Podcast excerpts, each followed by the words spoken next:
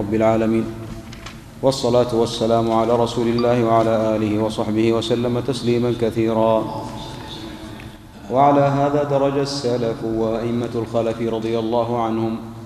كلهم متفقون على الإقرار والإمرار والإثبات لما ورد من الصفات في كتاب الله وسنة رسوله من غير تعرض لتأويل من غير تعرض لتأويله. وقد أمرنا بالاقتفاء لآثارهم والاهتداء بمنارهم وحذرنا المحدثات وأخبرنا أنها من الضلالات. فقال النبي صلى الله عليه وسلم عليكم بسنتي وسنة الخلفاء الراشدين المهديين من بعدي. عضوا عليها بالنواجذ وإياكم ومحدثات الأمور. فإن كل محدثة بدعة وكل بدعة ضلالة.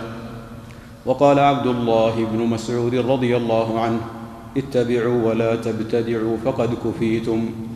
وقال عمر بن عبد العزيز رضي الله عنه كلاما معناه قف حيث وقف القوم فإنهم عن علم وقفوا وببصر نافذ كفوا ولهم, ولهم على كشفها كانوا أقوى وبالفضل لو كان فيها أحرى.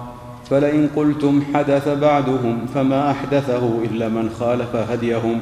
ورغب عن سنتهم ولقد وصفوا منه ما يشفي وتكلموا منه بما يكفي فما فوقهم محسر وما دونهم مقصر. لقد قصر عنهم قوم فجفوا وتجاوزهم آخرون فغلوا وإنهم فيما بين ذلك لعلى هدى مستقيم. وقال الإمام أبو عمرو الأوزاعي رضي الله عنه عليك بآثار من سلف وإن رفضك الناس وإياك وآراء الرجال وإن زخرفوه لك بالقول. وقال محمد بن عبد الرحمن الأذرمي لرجل تكلم ببدعة ودعا الناس إليها هل علمها رسول الله صلى الله عليه وسلم وأبو بكر وعمر وعثمان وعلي أو لم يعلموها؟ قال لم يعلموها. قال فشيء لم يعلمه هؤلاء أعلمته أنت. قال الرجل فإني أقول قد علموها. قال أفوسعهم ألا يتكلموا به ولا يدعوا الناس إليه أم لم يسعهم؟ قال بل وسعهم. قال فشيء وسع رسول الله صلى الله عليه وسلم وخلفاءه لا يسعك أنت. فانقطع الرجل. فقال الخليفة وكان حاضرا. لا وسع الله على من لم يسعه ما وسعهم. وهكذا من لم يسعه ما وسع رسول الله صلى الله عليه وسلم وأصحابه والتابعين لهم بإحسان والأئمة من بعدهم والراسخين في العلم من تلاوة آيات الصفات وقراءة أخبارها وإمرارها كما جاءت فلا وسع الله عليه. بركه بسم الله الرحمن الرحيم. الحمد لله رب العالمين. وصلى الله وسلم وبارك على نبينا محمد وعلى آله وأصحابه أجمعين. أما بعد فتقدم قول المؤلف رحمه الله تعالى وعلى هذا درج السلف وأئمة الخلف رضي الله عنهم. درج ساروا أي على إثبات الصفات لله تعالى على الوجه اللائق به سبحانه وتعالى من غير تحريف ولا تكييف من غير تحريف ولا تعطيل ولا تكييف وامرارها كما جاءت مع الإيمان بمعانيها. على هذا درج السلف رضوان الله تعالى عليهم. وعلى الإقرار والإمرار والإثبات لما ورد من الصفات في كتاب الله تعالى وسنة رسوله صلى الله عليه وسلم من غير تعرض لتأويله. وقد أمرنا بالاقتفاء من غير تعرض لتأويله بدون تأويل ولا تكييف وإنما يمرونها كما جاءت مع الايمان بمعانيها. قد أمرنا بالاكتفاء بالاقتفاء لآثارهم والاهتداء بمنارهم وحذرنا المحدثات المحدثات وأخبرنا أنها من الضلالات. يعني أخبرنا النبي عليه الصلاة والسلام بأن المحدثات من الضلالات. ولهذا قول النبي عليه الصلاة والسلام عليكم بسنتي وسنة الخلفاء الراشدين المهديين من بعدي. عضوا عليها بالنواجذ وإياكم ومحدثات الأمور. فإن كل محدثة بدعة وكل بدعة ضلالة. هذا حذرنا الله تعالى حذرنا النبي عليه الصلاة والسلام من المحدثات في الدين والبدع فالبدعة في اللغة هي ما اخترع على غير مثال سابق. وفي الاصطلاح ما أحدث في الدين على غير هدي رسول الله عليه الصلاة والسلام. تقيد بالدين لأن الناس قد يبتدعون امورا وصناعات وغير ذلك فالخلاصة أن البدع ما أحدث في الدين على غير هدي رسول الله عليه الصلاة والسلام ولا دليل من كتاب ولا سنة. هذا يقال له البدعة والبدع. وقوله عليه الصلاة والسلام عليكم بسنتي وسنة الخلفاء الراشدين المهديين. يدل على اتباع الخلفاء الراشدين في سنتهم. ما لم يختلفوا ولم يخالف دليلا من الكتاب والسنة فهو سنة ماضية. إذا اختلف الخلفاء الراشدون رضي الله عنهم فأفتى بعضهم بشيء والآخر بشيء فحينئذ هذا لا يقال من السنة. لكن ما اتفقوا عليه أو ما ورد عن واحد منهم ولم يخالفه البقية فهو سنة متبعة لقول النبي عليه الصلاة والسلام عليكم بسنتي وسنة الخلفاء الراشدين المهديين هم راشدون ومهديون هداهم الله تعالى للحق من بعد النبي عليه الصلاة والسلام قال عضوا عليها بالنواجذ. هذا الأمر بالتمسك بالسنة حتى شبهه بالعض بالنواجذ. وإياكم ومحدثات الأمور. وإياكم ومحدثات الأمور أي البدع والضلالات. فإن كل محدثه بدعة وكل بدعة ضلالة. فالبدعة ضلالة وليس في البدع بدعة حسنة أو واجبة أو مستحبة. كل بدعة ضلالة كما قال النبي عليه الصلاة والسلام. قال عبد الله بن مسعود رضي الله عنه اتبعوا ولا تبتدعوا فقد كفيتم. والمعنى اتبعوا ولا تبتدعوا فقد كفيتم أي اتبعوا كتاب الله تعالى وسنة رسوله صلى الله عليه وسلم وسيرة السلف الصالح من الصحابة ومن تبعهم من التابعين بإحسان ومن تبعهم إلى يوم الدين إلى يوم القيامة من تبعهم بإحسان بشرط بإحسان أحسنوا الاقتداء. بأصحاب النبي عليه الصلاة والسلام. هؤلاء هم الذين يتبعون النبي عليه الصلاة والسلام ويقومون بما أوجب الله تعالى عليهم. قوله ولا تبتدعوا فتأتوا بمخترعات في الدين من عندكم ما أنزل الله بها من سلطان. هذا معنى الابتداع. فتأتوا بمخترعات اختراع في الدين وابتداع في الدين والبدعة بدعتان. بدعة مكفرة تخرج الإنسان من دين الإسلام. وبدعة مفسقة فالبدعة المكفرة كأن يأتي الإنسان ببدعة كبدعة الجهمية إنكار صفات الله تعالى أو إنكار أسماء الله تعالى. هذه من البدع المكفرة. والبدع المفسقة من المعاصي كالمعاصي وغيرها كالأذكار التي يذكرها الناس في أدبار الصلوات على وجه الجماعات أو يذكر أو عيد الميلاد أو غير ذلك من الأمور البدعية. وقال عمر بن عبد العزيز رضي الله عنه كلاما معناه قف حيث وقف حيث وقف القوم فإنهم عن علم وقفوا. وببصر نافذ كفوا بصر نافذ بصيرة كفوا ولهم على كشفها كانوا أقوى ولهم على كشفها كان أقوى كانوا أقوى. وبالفضل لو كان فيها أحرى. قوله قف حيث وقف القوم أي السلف الصالح من الصحابة ومن بعدهم بإحسان فقف معهم.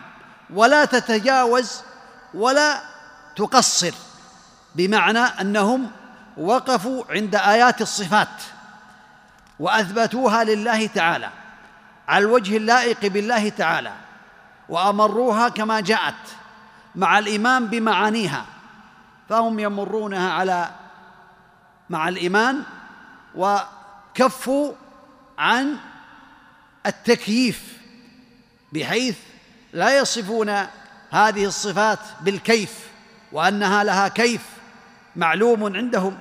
لها كيف لا شك في ذلك. فالكيف معلوم الكيف مجهول والإيمان به واجب له كيف الصفه لها كيف له يدان لا كأيدينا وسمع لا كأسماعنا وبصر لا كأبصارنا ورحمة لا كرحمتنا وعلم لا كعلم لا كعلمنا. وغير ذلك من الصفات ليس كمثله شيء وهو السميع البصير. فقوله فكفوا أي وقفوا على علم ولا وقفوا عما لم يعلموه. ولهذا قال فإنهم عن علم وقفوا يعني وقفوا فلم يتجاوزوا ولم يقولوا على الله بغير علم.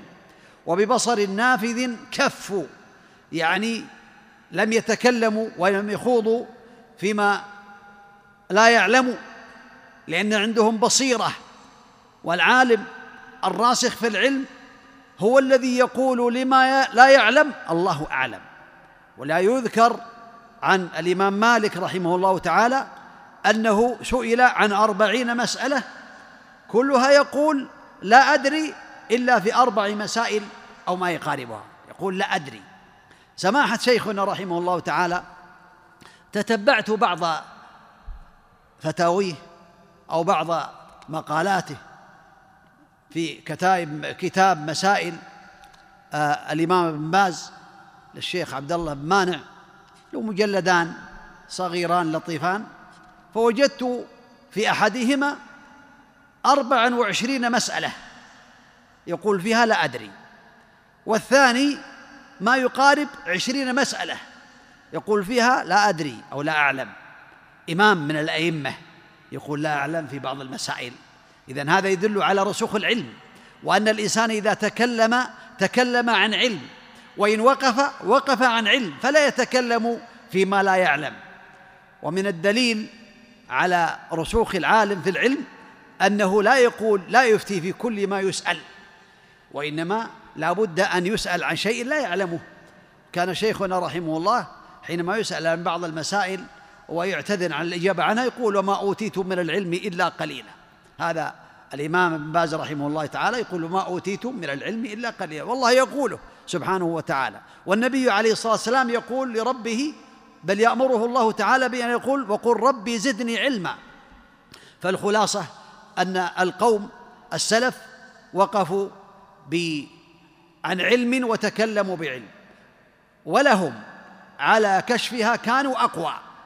لو أرادوا أن يتكلموا في هذه المسائل بعقولهم لكانوا هم أقوى وأبلغ لكنهم كفوا لأنهم ليس عندهم أدلة عقلية إلا بكتاب الله تعالى وسنة النبي عليه الصلاة والسلام.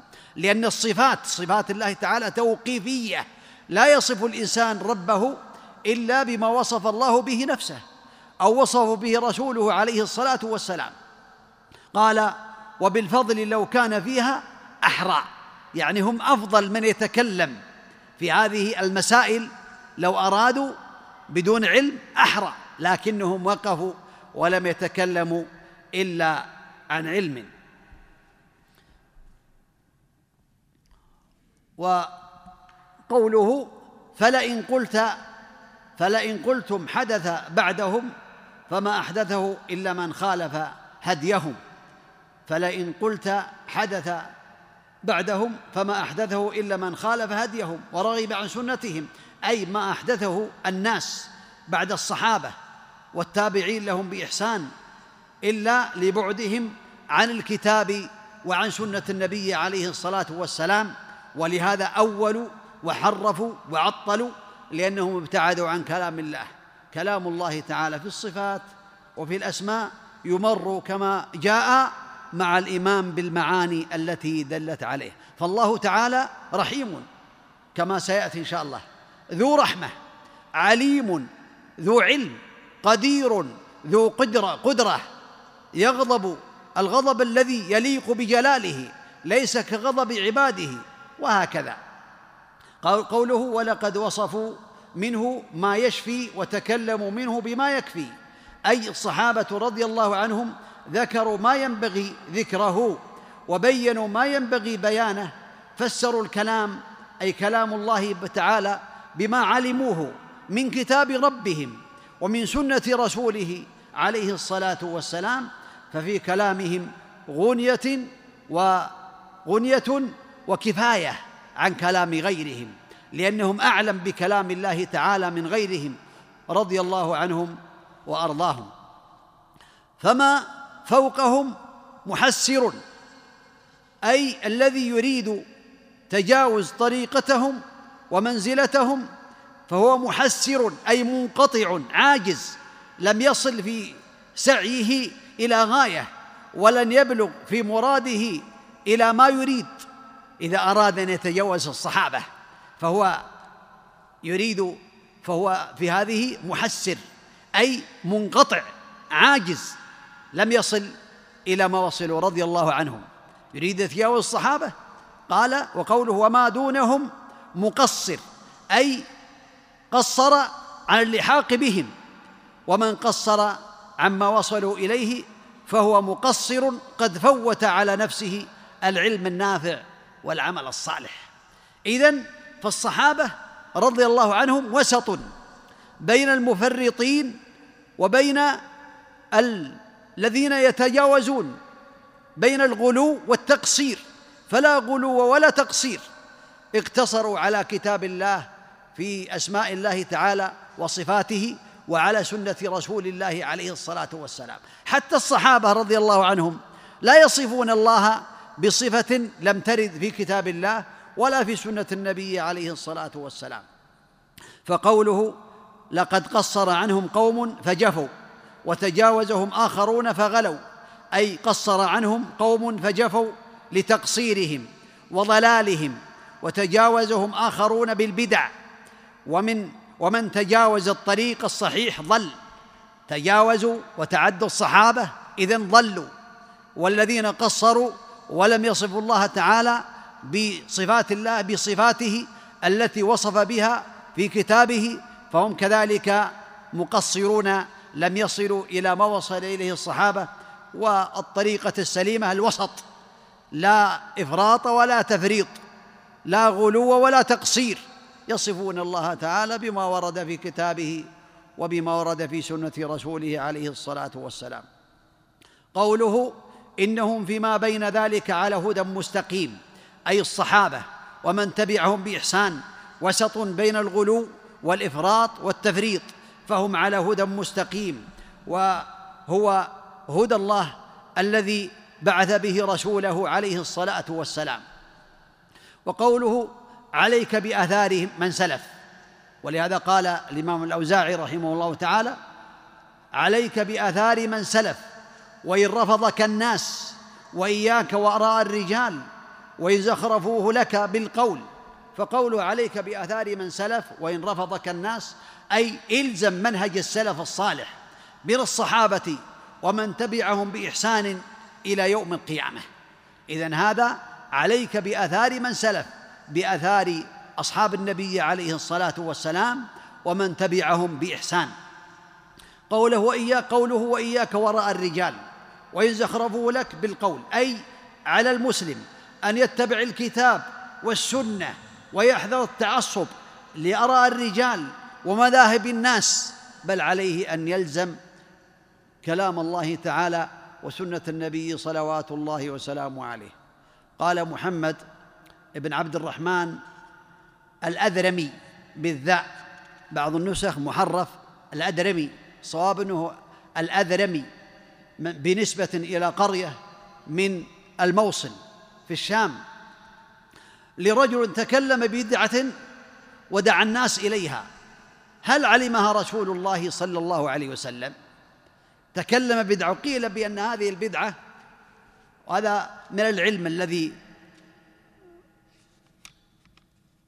يدل على رسوخ العلماء في العلم.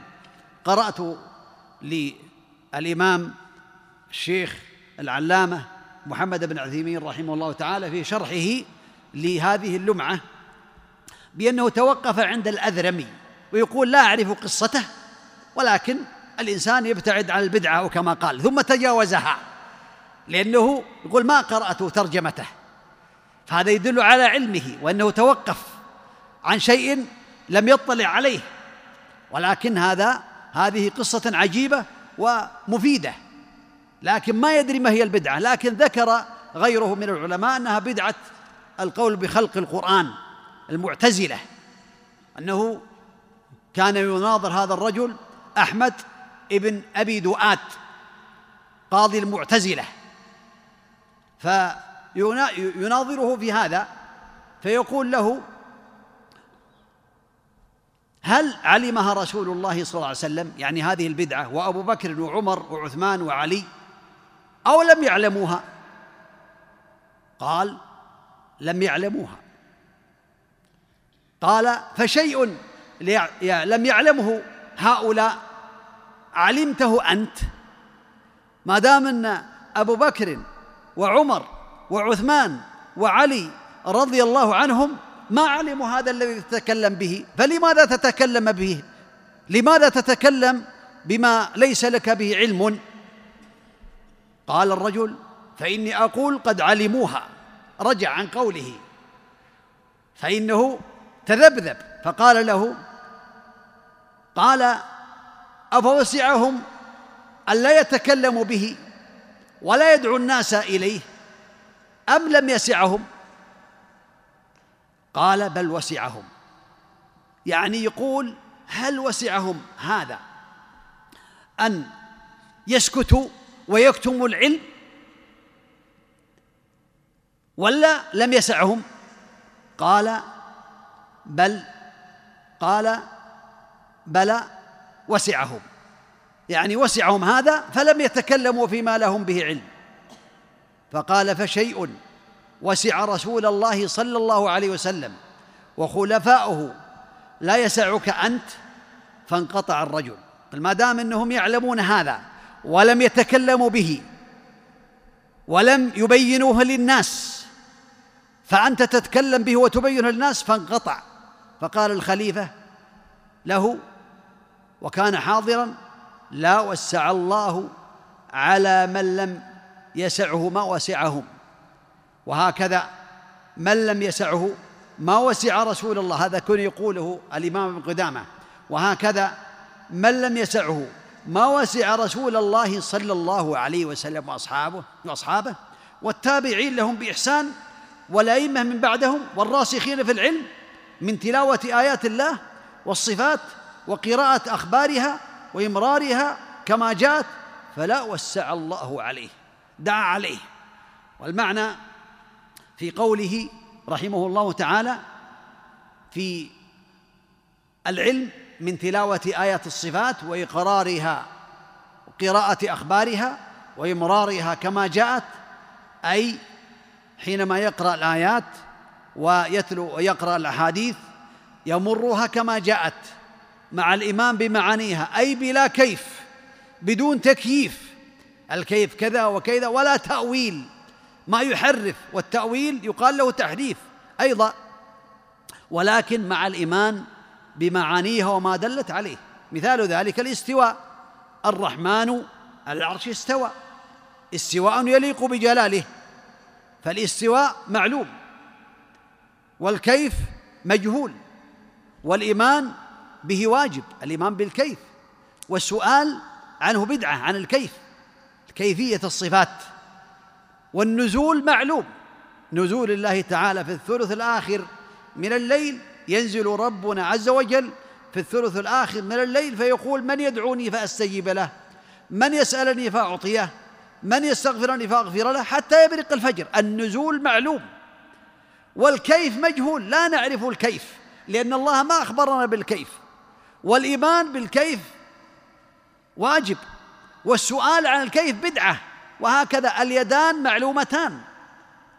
والكيف مجهول كيفية اليدين. والإيمان باليدين وبالكيفية بأن لها كيفية لكن الله ما أخبرنا بها. معلوم واجب. والسؤال عن الكيفية بدعة وهكذا. ومعنى من المعاني مثلا في الاستواء فهي له معاني أهل السنة يؤمنون بها. ومن معانيها أربعة معاني ذكر أهل السنة. العلو والاستقرار والصعود وكذلك العلو والاستقرار والارتفاع والصعود. وهكذا هذا معاني من معاني العلو. فمعنى ذلك أن الله في السماء على العرش مستو استواء يليق بجلاله وكذلك الرحمة. لها معنى أن الله يرحم. رحمته وسعت كل شيء سبحانه وتعالى. الغضب له غضب يليق بجلاله لا كغضب خلقه. وإذا غضب فهي أمر عظيم. نعوذ بالله من غضبه. وغير ذلك سياتي إن شاء الله بقية ذلك في الدروس القادمة إن شاء الله. وبالله التوفيق وصلى الله وسلم وبارك على نبينا محمد وعلى آله وأصحابه أجمعين. جزاكم الله خيرا. نعم. يسأل عن حديث عليكم بسنتي. آخر الحديث يضيف يضاف وكل حديث عليكم بسنتي سنة حديث البدعة فإن كل بدعة ضلالة. يقول وكل ضلالة في النار. هل ورد هذا؟ نعم. كل ضلالة في النار يقصد